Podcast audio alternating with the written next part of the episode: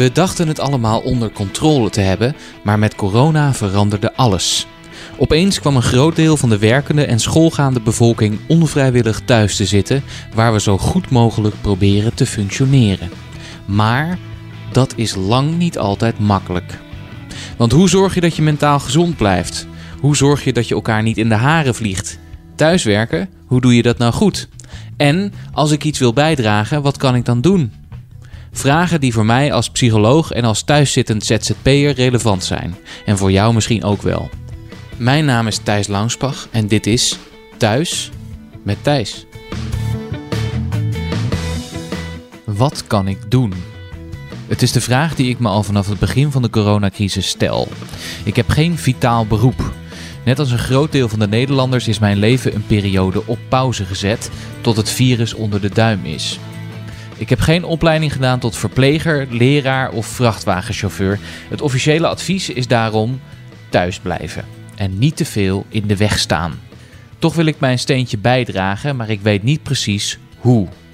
Mensen bellen die het nodig hebben, de buren in de gaten houden of voor iemand anders een boodschap doen, ja, dat helpt allemaal. Maar buiten mijn directe kring wordt het al ingewikkelder. Hoe kan ik mijn tijd en energie het beste inzetten om hen die het nodig hebben te ondersteunen? Iemand die daar van alles vanaf weet is Helene van den Berg. Zij is hoofd nationale hulpverlening van het Rode Kruis. Ze geeft leiding aan het landelijk operationeel crisisteam die de grootste binnenlandse hulpactie sinds de waternoosramp organiseert. Helene heeft dus bij uitstek een brede blik op wat er nodig is. In deze laatste aflevering van Thuis met Thijs, ja, het is alweer de laatste, stel ik haar de vraag wat het Rode Kruis doet in Nederland en wat wij als gewone Nederlanders daaraan kunnen bijdragen. Ja, die, de vitale beroepen en de, en de wat minder vitale beroepen. Dat is het grote verschil, denk ik, momenteel in Nederland. En misschien ook wel de, de niet-vitale beroepen die zich af en toe afvragen over wat kan ik nou doen om bij te dragen. ik kan niet aan een ziekenhuisbed staan. Ik ben geen dokter. Werk toevallig niet in de supermarkt, waar natuurlijk heel hard gewerkt wordt. Eh, maar wat kan ik wel doen eventueel? Dus dat zijn, dat zijn een aantal vragen die ik, eh, die ik je zou willen stellen in dit gesprek. Maar ik ben ook heel, natuurlijk heel benieuwd over wat jullie bij het, bij het Rode Kruis doen momenteel. Want ik las in, uh, in een interview met jullie directeur, Marike van Schaik, dat het de grootste Nederlandse reddingsoperatie is sinds de waternoodsramp. kun je daar iets over zeggen? Over die grootschalige actie en hoe jullie die aan het opzetten zijn? Ja, laat ik daarmee beginnen. want als Rode Kruis zijn we internationaal actief, maar ook in Nederland. En in Nederland kennen we gelukkig niet van dit soort grootschalige rampen. En laten we zeggen wereldwijd ook niet. dus wereldwijd zetten we vaak ook in op fliscrisis, noemen we dat. Dat is een crisis die komt voorbij. Daar spelen we op in als noodhulporganisatie. En in Nederland kennen we minder van dat soort crisis. We zijn bijvoorbeeld in 2015 is het Rode Kruis heel actief geweest bij de vluchtelingen. Uh, aantallen die naar Nederland kwamen. Maar een ramp van deze omvang kennen we niet. En als Rode Kruis zijn we meteen heel actief. En we zien dat wij met name voor kwetsbare groepen in actie komen. En wij ondersteunen de zorg. Precies, en dat doen jullie dus in, in een enorme mate begrijp ik momenteel. Ja, exact. Want we hebben al meer dan 7000 vrijwilligers ingezet. We hebben het over meer dan 10.000 uur. En nou zijn wij een noodhulporganisatie en kunnen heel snel opschalen, maar tegelijkertijd zie je dat dat voor ons ook echt wel alle hens aan dek is. En zodat we zowel voor alle kwetsbare groepen, maar ook in de zorg verschil kunnen maken. Wat we zien, dit is niet een crisis die alleen maar nu duurt, maar wij proberen ook al vooruit te kijken. De normale zorg start weer op. We zijn tegelijkertijd zitten we nog midden in de epidemie voor corona. En we zien natuurlijk ook dat ongedocumenteerde, daklozen, maar ook ZZP'ers het steeds moeilijker krijgen.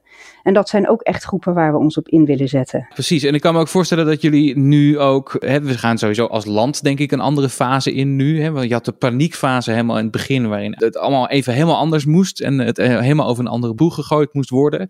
Uh, beleidsmatig gezien, maar ook qua hulp, denk ik. Maar we gaan nu eigenlijk net een andere fase in waarin we toch langere tijd te maken zullen hebben met, met dit virus en ook de consequenties, niet alleen van, het, van de gezondheidsconsequenties van het virus zelf, maar ook de economische consequenties van de maatregelen tegen het virus. Dus ik kan me voorstellen dat jullie werk net wel wat veranderd is nu, of dat, het, dat ook jullie werk net een andere fase ingaat. Ja, dat is echt een goede vraag, want we, daar zitten we nu eigenlijk middenin. En wat wij zien is dat dat veel van ons allemaal zal vragen. En we zijn bij de start, zag je iedereen, niemand weet wat er gebeurt. Iedereen wil zich inzetten Kijk, waar we als Rode Kruis dan heel trots op zijn, is dat wij een vrijwilligersbestand hadden van 40.000. Dat is gegroeid naar 85.000 in zes weken. Dus je ziet dat heel veel mensen iets willen doen. Denk van nu gebeurt dit. We zien ouderen om ons heen die geen boodschappen meer durven te doen. Dus we willen ook in actie komen. En eigenlijk is de vraag van het Rode Kruis: blijft dat ook met elkaar volhouden?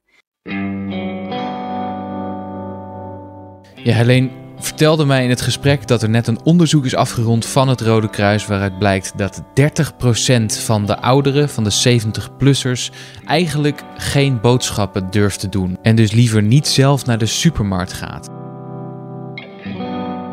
En bijna iedereen zegt: Als ik dan buiten ben geweest en mensen zijn te dichtbij gekomen, dan maken wij ons zorgen. dus de oproep van het Rode Kruis is: houd rekening met iedereen in je omgeving. Want precies wat jij zegt, we hebben eigenlijk op de dag nadat de lockdown werd afgeroepen, hebben wij de hulplijn gestart. Daar is heel veel gebeld. We hebben echt uh, tienduizenden telefoontjes gekregen. En waar het in het begin nog veel meer was, wat zijn de regels, wat mag ik, wat is corona, zie je dat dat nu veel meer opschuift naar eenzaamheid. En mensen maken zich zorgen. Nou, zo hadden we laatst iemand aan de telefoon van 75, 47 jaar getrouwd, man in verpleeghuis, mag daar niet naartoe hele zorgdossier doorgelezen. Zoveel zorgen. Ja, huisartsen hebben ook niet altijd de tijd. Ja, en daar zijn we dan echt voor.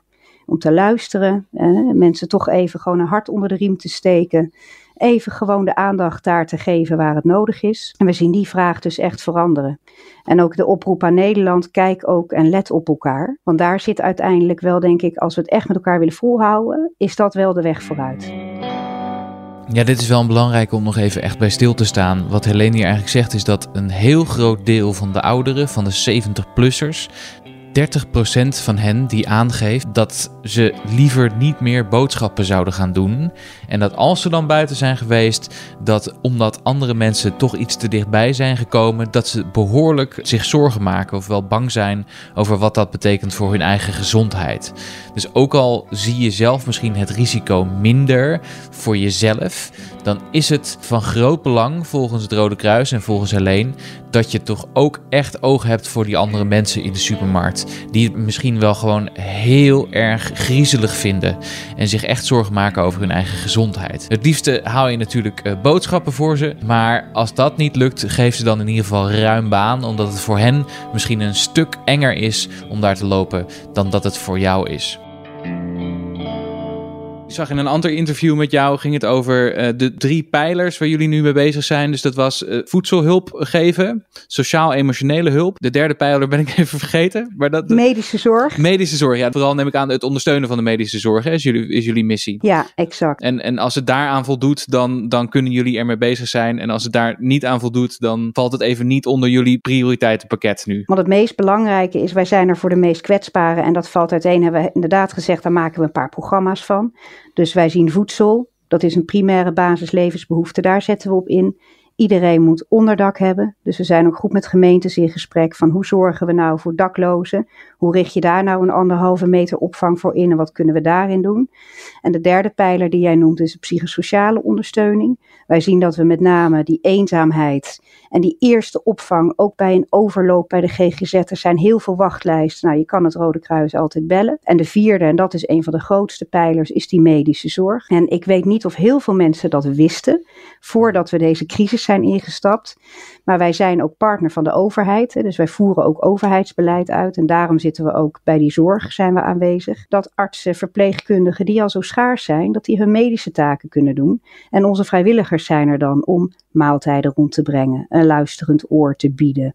En zo was ik bijvoorbeeld zelf in uh, het coronacentrum in Roermond. Er zijn in Nederland een aantal coronacentra ingericht om echt de overloop van ziekenhuizen op te vangen. Zijn dat die coronahotels waar je het over hoort nu? Ja, dus dat zijn echt hè, de Van de Valk en, en de hotelketens die hebben gezegd: gebruik ons hotel maar om hier ook patiënten op te vangen. Nou, daar is dan ook een hele nauwe samenwerking met het Rode Kruis, zodat de verpleegkundigen en de artsen daar echt gewoon hun werk kunnen doen. En maar ook onze vrijwilligers gaan daar dan naar binnen, volledig in pak, om net even dat praatje te maken. En dan toch met wat aandacht even een kopje koffie te zetten en te vragen: hoe gaat het nou met jullie?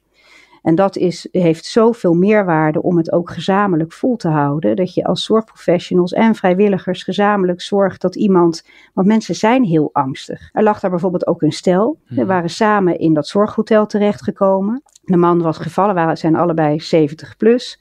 Hij was gevallen. Bleek uiteindelijk dat hij corona had, zijn vrouw ook getest. Heel kortademig, benauwd, moeilijk trap kunnen lopen.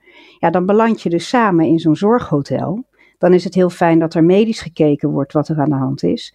Maar net even de aandacht, het praatje, de maaltijd. Ja, daarin zien we dat we elkaar heel erg versterken. En nou, dat soort verhalen, ik, ik ben daar zelf geweest, dat raakt me dan ook. Hè? Dan, dat je ziet wat daar gebeurt, hoeveel impact zo'n virus heeft. Dat als we daar nou met elkaar het verschil kunnen maken, door eigenlijk met heel andere competenties bij te dragen, ja, dat is wel echt heel belangrijk. ik wil even iemand uh, om, om het hoekje kijken. Ja, wat gebeurt daar? Ja, nee, dat, uh, nou, dat moeten we knippen. Nou, het, het fijne is dat het allemaal mag met podcast. Dat maakt helemaal, ja, helemaal geen, geen leuk, bal ja. uit. We werken allemaal thuis, hè? Precies, het maakt het allemaal hartstikke authentiek. Even kijken, misschien kunnen we een beetje inzoomen op twee van de, van misschien wel de belangrijkste dingen die jullie uh, doen. De, de hulplijn die jullie hebben. Ja. Waar mensen naartoe kunnen bellen. En jullie vrijwilligersorganisatie, uh, dus Ready to Help. Misschien kunnen we het eerst hebben over, over die hulplijn. Want je sprak net over de mensen bij, in zo'n zorghotel. En je had het al over, even over ZZP'ers. En je had het over daklozen. En uiteraard natuurlijk de, de 70-plussers, waar, waar grote aandacht van jullie ligt. Zijn dat ook de mensen die over het algemeen bellen naar jullie, naar jullie hulplijn? Nou, wat we zien bij de hulplijn is dat het nu veel ouderen zijn. We zien daar wel een verschuiving. Uh, in het begin waren het ook meer jongeren en uh, gewoon eigenlijk de gemiddelde leeftijd om heel veel vragen te stellen over het virus. Wat betekent dit voor mij? Mag ik nog naar buiten? Mag ik nog met vrienden op stap? Nou, daar volgen wij dan de richtlijnen van nee, blijf zoveel mogelijk thuis, was je handen, zorg dat je ook anderen niet kan besmetten. En we zien nu wel echt een verschuiving naar eenzaamheid, ook bij jongeren, maar we zien dat veel ouderen bellen. Ja. En de vragen die we krijgen zijn dan eigenlijk tweeledig. Eén is een luisterend oor. Wat ik zelf ook heel ja, moeilijk vind om te horen, is dat veel ouderen ook bellen. En die zijn bijvoorbeeld echt bang om alleen te sterven. En te denken, ja, dan lig ik hier straks. Word ik dan nog wel opgemerkt? Dan kunnen wij ook zeggen, we luisteren daarnaar, we kunnen altijd doorverwijzen naar de huisarts. Maar wat we dan ook kunnen doen, en ik denk daar zit wel echt ook de kracht van het Rode Kruis in Nederland, is dat we direct koppelen met een vrijwilliger. Want om jou jouw tweede vraag te beantwoorden. We hebben dus 80.000 vrijwilligers in het bestand, ready to helpers. En die zijn natuurlijk landelijk, kun je die overal terugvinden. En wij hebben overal in het land hebben wij afdelingen. En in die afdelingen kunnen wij dan ook diegene die gebeld heeft koppelen aan een ready to helper. En dan zeggen we, nou, deze meneer heeft gebeld. Die wil graag af en toe een praatje, ommetje, op anderhalve meter. Kunnen we daar iemand naartoe sturen? Dan zorgen we eigenlijk dat binnen 48 uur er contact wordt opgenomen. En dan wordt er een vrijwilliger gekoppeld. Dan wordt er contact opgenomen met die meneer. Van, nou, deze, woont, deze vrijwilliger woont in de buurt. Kunnen we ook kijken naar leeftijden. Dan vindt die koppeling plaats. En dan heb je dus iemand die of je hond kan uitlaten, of dat praatje met je kan maken, zodat je die eenzaamheid wat kan bestrijden. En dat is de koppeling die we zoveel mogelijk proberen te maken. Als je het echt hebt over de hulplijn en met name de eenzaamheidsvragen die daar nu, uh, die daar nu naar voren komen. Helder. En misschien zijn dat al twee hele concrete dingen die mensen kunnen doen. Hè? Je, kunt, je kunt je dus ja. als vrijwilliger opgeven voor Ready to Help. En dan ja. word je gebeld als er iets nodig is in jouw buurt of in jouw uh, ja. omgeving. En uh, ook een hele belangrijke is dat je goed, kunt, goed oplet op de mensen in je buurt. En als je je zorgen maakt over iemand die uh, eenzaam is of die hulp nodig heeft, kun je die dus aanmelden bij het Rode Kruis door te bellen. En dan worden ze vrij direct gekoppeld met een vrijwilliger die echt meteen al kan handelen. Precies. En dan om toch maar voor, de, even, voor alle duidelijkheid het telefoonnummer te noemen. Heel goed, heel dat goed. Kan ja. je, dat kan je dus doen op 070 44 55 888. Of je kan naar de website van het Rode Kruis, dat is rodekruis.nl slash let op elkaar. En daar vind je een online formulier als je het makkelijk vindt om op die manier in te vullen. En dan kun je dus twee dingen doen. Precies wat je zegt, meld je aan voor Ready to Help. Of meld een kwetsbare aan. Iemand in je omgeving. Laat het diegene dan wel even weten. Hè, dat hij niet binnen 48 uur een telefoontje krijgt. Wat is dit? Is dit spam of is dit echt? Ja, ja. Laat het diegene even weten. Maar dan hè, binnen 48 uur wordt er een koppeling gemaakt. En komen mensen in actie. Ja. En wat ik zelf dan heel mooi vind om te zien, is dat dat echt alle leeftijden betreft. Daar zien wij ook een verschuiving. We zien dat heel veel jonge mensen zich opgeven. Zo hebben we laatst een mevrouw die heel benauwd was en haar hondje niet meer uit durfde te laten. Die hebben we gekoppeld aan, een ready to, aan ready, drie Ready to Helpers. Nou, er was iemand van 16 bij, die het geweldig vindt om af en toe een rondje te lopen. En die dan heel braaf belde met de afdeling.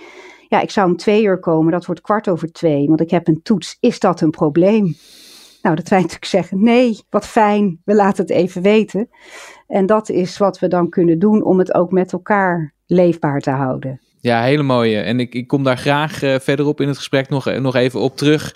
Als we het hebben over wat kun je nou doen met je, met je gevoel van ik wil iets, iets bijdragen. Ik wil een steentje bijdragen, ik wil iets doen. Misschien, misschien nog even terug naar uh, nog meer groepen die zich melden bij zo'n hulplijn. Want we hebben het net over hè, het eenzame ouderen gehad natuurlijk. Dat is een, een groep die terecht ontzettend veel aandacht krijgt. Ja. Uh, zijn, maar zijn er ook nog andere groepen waar jij je wat zorgen over maakt? Of waarvan je denkt, nou, die worden misschien een beetje vergeten? Ja, wij maken ons zorgen over andere groepen. Maar dat zijn ook groepen die lastiger bij zo'n hulplijn terechtkomen.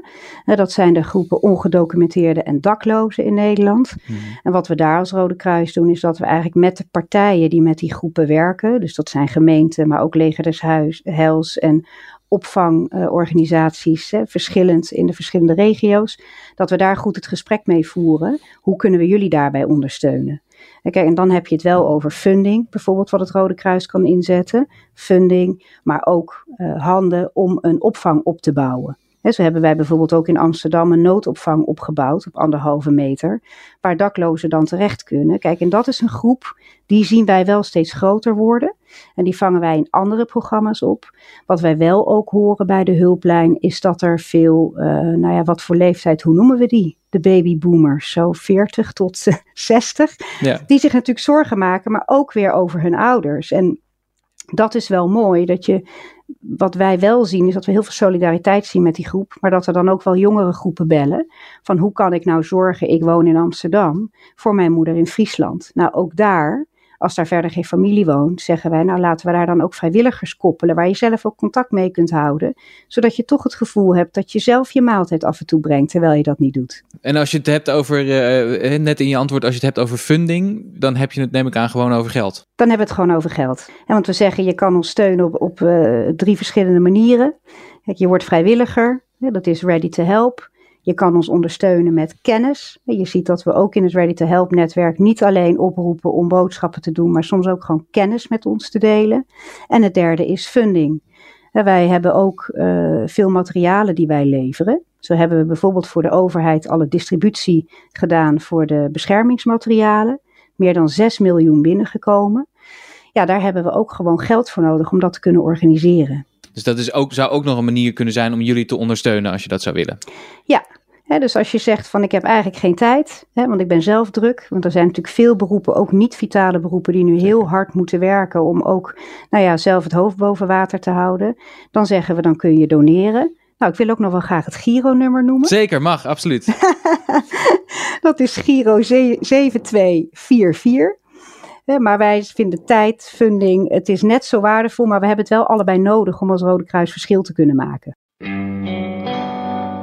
Ja, Helene heeft dus nu al vier verschillende manieren genoemd waarop je kunt bijdragen aan wat het Rode Kruis doet in Nederland. En dat is natuurlijk vrijwilliger worden via Ready to Help. Dat kun je via de website of via telefoonnummer doen. Of dat is uh, geld doneren, funding, verzorgen voor medische apparatuur en dergelijke en wat er verder nog nodig is. Of je specifieke kennis bijdragen, als je toevallig heel veel weet over iets waar nu toevallig heel veel behoefte aan is. Of, en dat is minstens even belangrijk, dat je zorgt dat die hulp van het Rode Kruis ergens naartoe kan.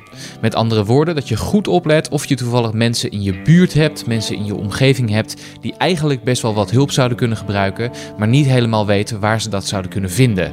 Of het idee hebben, ja, ik ben niet in levensgevaar, dus uh, weet je, dat zal voor mij niet zo heel belangrijk zijn om hulp uh, te vragen. Ook die mensen, daar moet gewoon hulp naartoe en daar kun je ook de schakel in zijn. Door daar goed op te letten en voor hen, natuurlijk in overleg, wel hulp aan te vragen bij het Rode Kruis.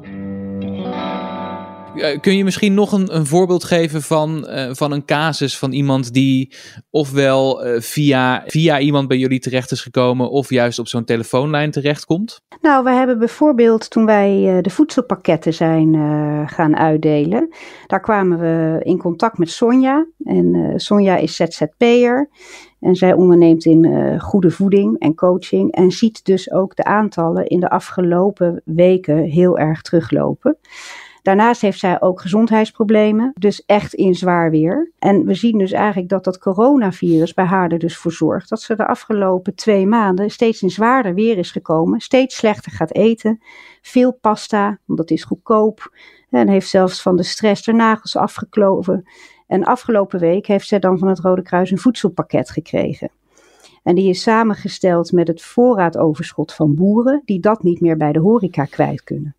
En zij zegt, daar ben ik dus heel blij mee, want daar zit ook gewoon vers voedsel in. En dan heeft zij zegt, na mijn chemokuur kan ik dan weer echt heel goed herstellen, scheelt veel stress. Nou, dat soort pakketten, we willen duizenden van dat soort pakketten ook uitdelen. Dat doen we dus in, in, in samenwerking met andere organisaties. En ik denk dat je daar een heleboel dingen samenpakt die ook voor de komende tijd belangrijk zijn. We zullen een overschot blijven zien bij boeren. Horeca gaat heel langzaam weer open dat eten wil je goed kwijt, maar niet alleen kwijt bij websites waar dan hè, voor 60 eh, euro per doos, die er natuurlijk ook zijn, hè, vanuit ja. de chique buurten worden weggereden, omdat daar nou eenmaal meer geld is. Zeggen wij, laat dat nou juist gaan naar de mensen die het echt nodig hebben. Nou, dat is ook zo'n casus eh, dat ik dan ook voor mezelf, want ik werk hier nog niet zo heel lang, denk, wat ben ik blij dat ik hier zit, want nu maken we echt verschil. Dat kan ik me goed voorstellen. Ik zou me ook kunnen voorstellen dat het ook wel schrikken is. Dat dit soort mensen die eigenlijk in principe nooit met hulp in aanraking zouden komen, nu opeens door een, door een aantal van die omstandigheden bij elkaar, opeens ze zijn overgeleverd aan hulpverlening. Nou hè, dat, dat, dat vind ik ook. En ik, ik vind ook als je dan de cijfers ziet over de economie die nu uh, verspreid worden, natuurlijk voor de komende maanden vooruit, het komend jaar ja, daar zit nog heel veel uh, verschil in. Maar ja, het scenario is gewoon zwart. En dat zullen dus veel meer mensen zijn die in dit soort problemen komen. En ik zou dus ook echt een oproep willen doen aan de mensen die weten dat ze daar minder kans op maken, die toch denken, nou, ik loop daar misschien wel doorheen. Ja, zorg nou dat we dat dan met elkaar ook doen. Hè? Want op het moment dat wij ook de funding hebben om dit soort voedselpakketten te brengen naar de mensen die wel in zwaar weer komen, ja, dan maken we met elkaar ook dat we hier doorheen gaan komen. Ja. En je weet het nooit, hè, want het is precies wat je zegt. Je wordt ziek. Je bent ZZP'er, het gaat toch slecht met je baan. Uh, je huis moet betaald worden en ineens zit je in een hele vervelende situatie. Ja, dan geloof ik wel echt in saamhorigheid om dat met elkaar ook goed op te kunnen lossen. En die groep, dat is ook echt een groep waar wij de focus op leggen, omdat we zien dat die ook alleen maar gaat toenemen.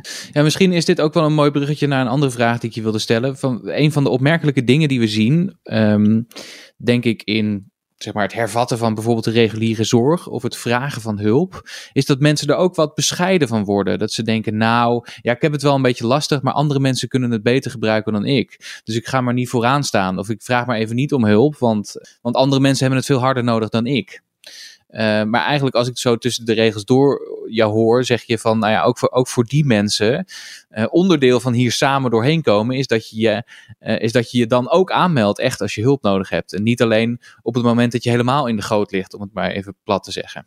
Het is ook heel mooi hoe je dat zegt. Dat is denk ik ook echt de Nederlandse mentaliteit. Hè? We komen hier wel doorheen, valt ook allemaal wel mee. Nou, ik denk dat dat ons heel erg ver kan brengen. Maar tegelijkertijd is je hulpvraag stellen en ervoor zorgen dat je natuurlijk niet verder afglijdt in een situatie waar het veel lastiger wordt, is heel goed om te doen. En ik denk dat, um, dat dat niet alleen maar afhankelijk is van organisaties die er zijn, waar je kan aanmelden bij Ready to Help. Maar wij willen ook graag de oproep doen, omdat dit echt van lange adem is. Kijk ook gewoon om je heen. Zijn er mensen waarvan je denkt, die hebben wat extra hulp nodig? Zorg dan ook dat je een oogje in het zeil houdt. Ga er een keer wat vaker langs. Ook al is dat een beetje gek de eerste keer. Als je bij iemand aanbelt en zegt van, joh, ik kook volgende week, zal ik wat voor je maken? Of zullen we samen een ommetje maken? En ik denk dat dat voor twee dingen goed is. Dus één, het leed achter de voordeur krijg je bijna niet uh, aan tafel. Dat, dat, dat is wat je natuurlijk ook van heel veel partijen hoort. Dus op het moment dat we dat samen doen, is het makkelijker. En het tweede, het wordt er ook gewoon leuker van. Want die anderhalf meter economie, daar zitten we gewoon nog wel even in met elkaar. Dus we zullen ook met elkaar moeten zorgen dat het ook op straat toch goed blijft. Dat we elkaar de ruimte gunnen. En ik denk dat toch echt de verbinding daarin belangrijk is. En dus ook als dat betekent dat je, als je ook als je een beetje hulp nodig hebt, dat je dat toch gewoon gaat aanvragen. Ja, precies. En je kan dus ook altijd ons bellen. Kijk, in eerste instantie praat je dan ook alleen maar met het Rode Kruis. Dan is het niet meteen dat de hele buurt weet dat jij ons gebeld hebt. Dat blijft allemaal anoniem. En pas als jij zegt: Ik wil iemand gekoppeld of kun je me hulp bieden, dan gebeurt dat. Dus echt de, ja, de oproep om de zorgen die je hebt gewoon te delen. Want daar is niks mis mee. Dat is alleen maar goed om te doen. Misschien nog een vraag over waar je je de komende tijd zorgen over maakt. Binnen je eigen werk, eh, binnen het Rode Kruis, maar ook daarbuiten. Wat zijn de beren die jij ziet op de weg voor de komende tijd? Nou, de beren die ik zie is, is toch het sociaal-economisch klimaat. Ja, dat is toch als we kijken naar de impact die dit heeft wereldwijd en op Nederland. Dan zijn er eigenlijk twee assen waar, waar ik naar kijk. En dat is sociaal-economisch en dat is de zorg. En ze zijn beide even belangrijk. Dus op het moment dat wij echt in een zware recessie zullen komen, dan is het letten op elkaar en toch de tolerantie volhouden om het echt samen te doen, zal moeilijker worden. Dat betekent dat als je in nood bent, dan wil je ook naar jezelf kijken. En het tweede is het zorgsysteem. Wat wij nu ook zien is dat we de COVID-interventies in het ziekenhuis, die blijven allemaal aan. En tegelijkertijd gaat de reguliere zorg ook weer aan. Ja, wat betekent dat? Voor de mensen die in de zorg werken, maar ook als je naar het ziekenhuis toe moet. Hoe gaat dat? Dus daar, daar zijn wij uh, ook als Rode Kruis heel nauw bij betrokken, bij eigenlijk die beide ontwikkelingen. Ja, en dan natuurlijk niet te vergeten de situatie op de Cariben en wereldwijd. Wat we natuurlijk zullen zien is dat er wereldwijd toch een grote humanitaire ramp zal plaatsvinden. Dus besmettingen, uh, zeker in werelddelen als Afrika, wat betekent dat? Maar wat betekent dat ook voor de vluchtelingen en migrantenstromen die allemaal naar Nederland toe komen? En als wij dan in heel zwaar weer zitten, zijn wij dan als land in staat om dat goed op te vangen? En welke keuzes maken wij dan? Kijk, en dan eh, vanuit het vak wat ik nu doe, zeggen wij. Laten we ook die migrantenstroom en die vluchtelingenstroom zo goed mogelijk proberen op te vangen. En het ook voor de mensen die er nu al zijn houdbaar houden. Door juist te focussen op echt de meest kwetsbare. Maar er zal best een grote groep zijn die dus straks tussen wal en schip gaat vallen. Dus ja, als je dan vraagt waar zitten je zorgen, is het wereldwijd. Wat gaat deze crisis betekenen? Hoe houden we het nou in Nederland goed vol op het moment dat we in recessie komen, veel mensen geen werk meer hebben en die zorg die maar moet blijven draaien? Ja, dat zijn wel drie immense vraagstukken. Kan ik me zeker voorstellen. En ook die hebben weer onderling ontzettend met elkaar te maken. En ook het, het globale heeft weer invloed op hoe wij hier in Nederland omgaan met deze situatie en dergelijke. Dus het, uh, ja, een ingewikkelde puzzel, kan ik me zo ja, voorstellen. Ja, precies. En je hebt er ook niet meteen antwoord op. En ik denk echt, uh, als je nu naar deze podcast luistert en denkt, ja, wat moet ik met deze drie mega vraagstukken? wat vraag je nou van mij? Ja. ja, dan het enige wat ik vraag is gewoon goed letten op degene om je heen. En als je in actie wil komen, doe het zelf of meld je bijvoorbeeld aan bij Ready to Help zodat je ook echt iets kan doen. Hè? Want dat zie ik. Ik ben op veel plekken ben ik geweest waar ook onze vrijwilligers werken. Heel veel jonge mensen. En wat ik met name terughoor is dat iedereen zei: ja, mijn opleiding is nu toch gestopt. Of ik werk wat minder. Anderen zeiden: nou, ik heb mijn werk, doe ik nu lekker in vier dagen, want ik wil één dag echt wat anders doen. En me inzetten. Is dat dat ook heel veel voldoening geeft omdat je dan hè, ja, toch bezig bent om het met elkaar beter te maken. Dat is een, dat is een hele mooie. Dus laten we eerst even gaan naar wat jullie eventueel nodig hebben. Want we hebben een aantal dingen al genoemd. Je kunt je aanmelden als vrijwilliger bij Ready to Help. Je kunt uh, goed omkijken in de buurt of in je netwerk om te kijken of er iemand hulp nodig heeft en die eventueel aanmelden. Natuurlijk met toestemming en met dat even melden van tevoren, want dat is wel zo netjes. Ja, uh, jullie zijn ook geholpen met kennis en funding, met dus hè, donaties. Wat nog meer? Nou, dit, dit, dit is denk ik een hele goede opsomming. Nou, wat je nog meer kan doen voor ons is, als je hebt aangemeld als Ready to Helper en je bent nog niet opgeroepen, hou het nog even vol. Want wij zien dat deze crisis echt langer gaat duren. Dus denk niet, nou ja, die oproep die komt niet meer. Nou, die komt zeker. En zolang dat niet zo is, zorg ook dat je zelf dan voor iemand boodschappen doet. Of even een hond uitlaat. Of naar iemand omkijkt. Maar wij uh, als Rode Kruis zien dat we de komende jaren echt nog wel bezig zullen zijn. Dus dat bestand aan mensen met verschillende competenties. Ja, we zullen ook zien dat we dat gedurende de tijd echt in zullen zetten. En dan moet je dus aan de ene kant denken het meten van oortemperaturen bij ziekenhuizen. Nou, daar staan veel vrijwilligers van ons, maar ook GGD, het bellen in de callcenter, huisartsenposten, vervoer van coronapatiënten. Dat zijn ook allemaal interventies die alleen maar zullen groeien. En waar we steeds meer mensen voor nodig zullen hebben. Nou, ik ben blij dat te horen als een van die mensen die zich in de crisis heeft aangemeld voor Ready to Help, maar nog geen belletje heeft gehad. Dus wie weet, wie weet komt dat. Um, uh, dus dat is, dat, is, dat is fijn om te horen. Um, en dan misschien nog eventjes, hè, dat, dat is wat we voor het Rode Kruis zouden kunnen doen. Maar uh, stel nou dat je dat allemaal hebt gedaan. Je hebt je aangemeld, je hebt goed in je, in je omgeving gekeken. Uh, de buren die zeggen, nou joh, voor de derde keer boodschappen halen in de week, dat hoeft nou ook weer niet. Wat zijn dan nog wel dingen die je kunt doen voor de mensen om je heen? Behalve de dingen die we al besproken hebben. Zeker als je wat jonger bent, houd je echt aan de regels van de overheid. Kijk, ik kan me voorstellen hoe jonger je bent dat je denkt, nou, die anderhalve meter mag ook best een meter zijn. En dan ga ik toch met zonnig weer lekker picknicken in het park, want dat mag misschien eigenlijk ook wel. Nou, houd je aan de regels door eigenlijk zoveel mogelijk binnen te blijven, daar waar het kan wel met elkaar naar buiten te gaan op een manier dat het mag. En kijk vooral naar die 70-plusser goed om als je bijvoorbeeld boodschappen doet. Nou woon ik zelf in Den Haag. En daar zie ik dat we toch, als er boodschappen gedaan worden, het is gewoon druk. Het is drukker dan wanneer je bijvoorbeeld in Oost-Groningen woont.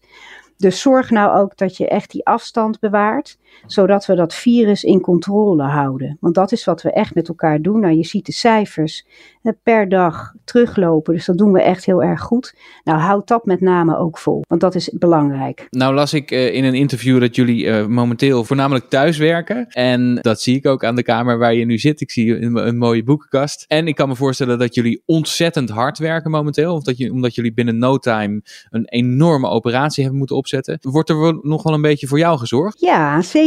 Ik, ik vind dat we, want we zijn ook bij, we zijn best in een bijzondere situatie terechtgekomen.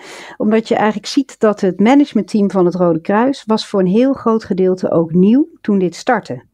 dus we zijn eigenlijk met de helft was nieuw. We zijn in januari en in februari gestart. En een groot gedeelte zat er al. Dus we hebben met elkaar ook heel snel moeten opschalen heel snel moeten zorgen dat je op elkaar ingespeeld raakt. En wat ik dan mooi vind om te zien, als het dus urgent is, en er moet heel veel gebeuren, dat je dat dus ook kunt. En dat je dus ongeveer zelfs in staat bent om door dat scherm heen te voelen hoe iemand erbij zit. Ook al ken je elkaar niet. Dus ik vind dat we binnen de organisatie daar ook echt wel goed voor elkaar zorgen dat we ook hebben gezegd: iedereen moet toch twee dagen rust per week, hoe moeilijk het ook is. Maar we zullen ergens twee dagen uit moeten. Hoeft niet eens achter elkaar, maar ergens dat je ook je avonden en een dag tussendoor even wat rust neemt. En dat is het mooie aan een noodhulporganisatie. De mensen waar wij mee werken, die gaan allemaal aan en die zeggen: hier zijn we voor. Dus hebben nu mensen ons nodig. Dus we gaan heel hard lopen om het voor elkaar te krijgen. Dus wij hebben ook in een week tijd een crisismanagementplan ingericht, waarin wij met 25 regionale kantoren en een landelijk actiecentrum er ook voor konden zorgen dat als er een vraag was, waar dan ook in het land, dat die binnen 24 uur, 24 uur beantwoord kon worden, zodat we ook hup, meteen mensen in konden zetten. Nou, ik vind het echt prachtig om te zien. En uh, ja, de zorg voor elkaar is er zeker. Maar het zit wel een beetje in het bloed. Het crisis en gaan en zorgen. Zorgen dat wat we doen, dat dat, wat we dat echt doen voor de mensen die het nodig hebben. Het is per slotverrekening ook waar jullie goed in zijn. Ja, precies. precies. En daar word ik dan zelf ook wel warm van, want ik ben er zelf vanaf januari. Dus het was na anderhalve maand ongeveer hè, dat je heel hard aan bent gegaan. Maar dat is eh, heel bijzonder om dat te kunnen doen. En af en toe mag ik hopen, komt er iemand een kopje thee eh, brengen bij je? Ja, zeker. Dat, dat, dat brengt ook de leukste situaties hoor, zo'n thuiswerken situatie. Oké. Zo lekker zo'n dochter in pyjama op schoot, die dan wel met een kopje koffie komt uh, naar boven.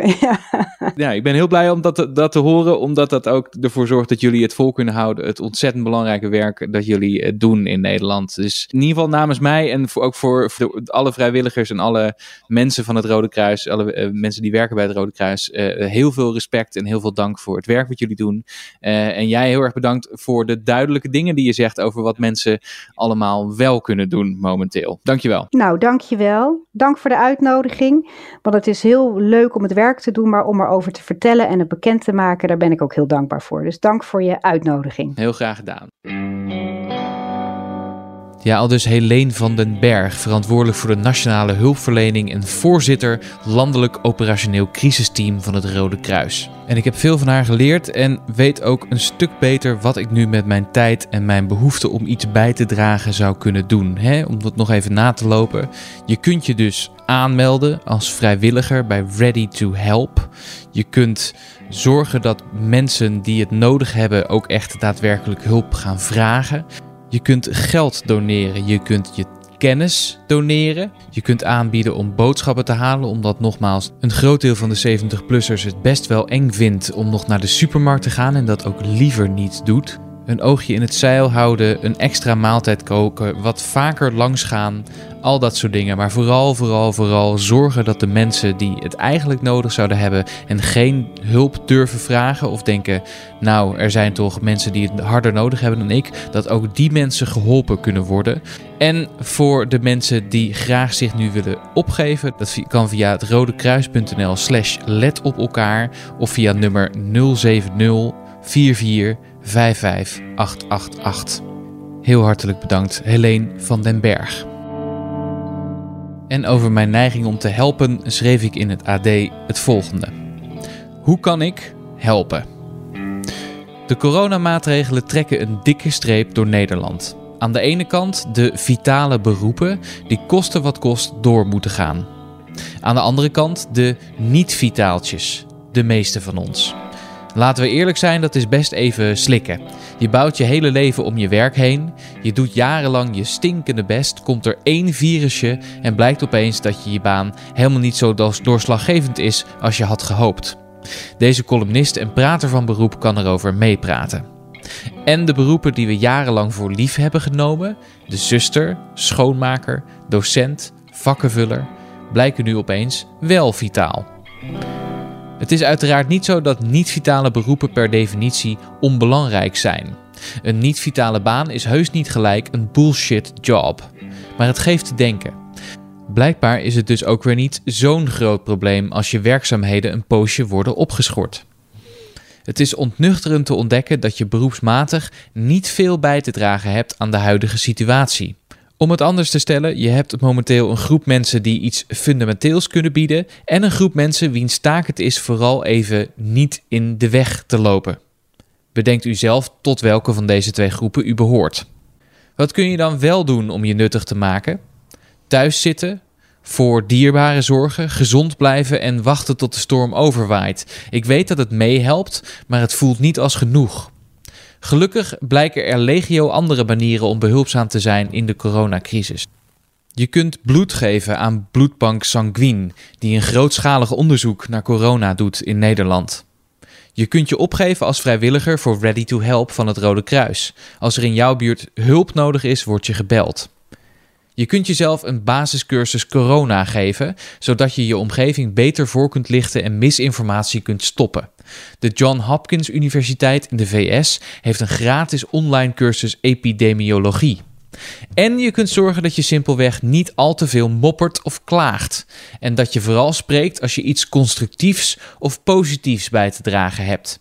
Verder kijken dan je eigen belang is zeker in deze tijden een deugd. Zo bekeken kunnen zelfs de niet-vitaaltjes een steentje bijdragen. Tot slot iets waar we allemaal de verantwoordelijkheid voor kunnen nemen. Ondersteun de groepen die in deze crisis van de radar dreigen te vallen. Zij die het moeilijk hebben of om een praatje verlegen zitten.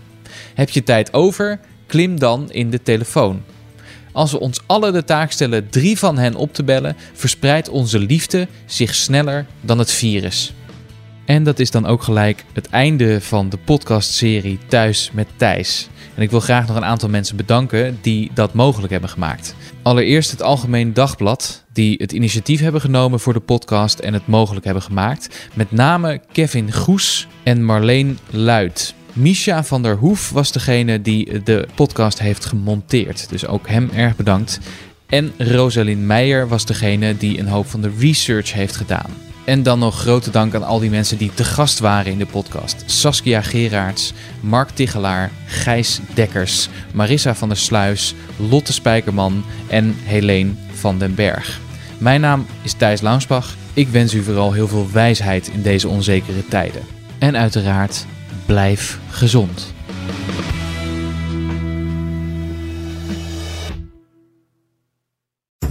We worden dagelijks overladen met overbodige informatie. En het is moeilijk de zin van de onzin te scheiden. Daarom vertrouw ik op echte journalisten in plaats van meningen. Een krantenmens heeft het gemakkelijk. Word ook een krantenmens en lees je favoriete krant nu tot al zes weken gratis. Ga snel naar krant.nl. Bezorging stopt automatisch en op deze actie zijn actievoorwaarden van toepassing.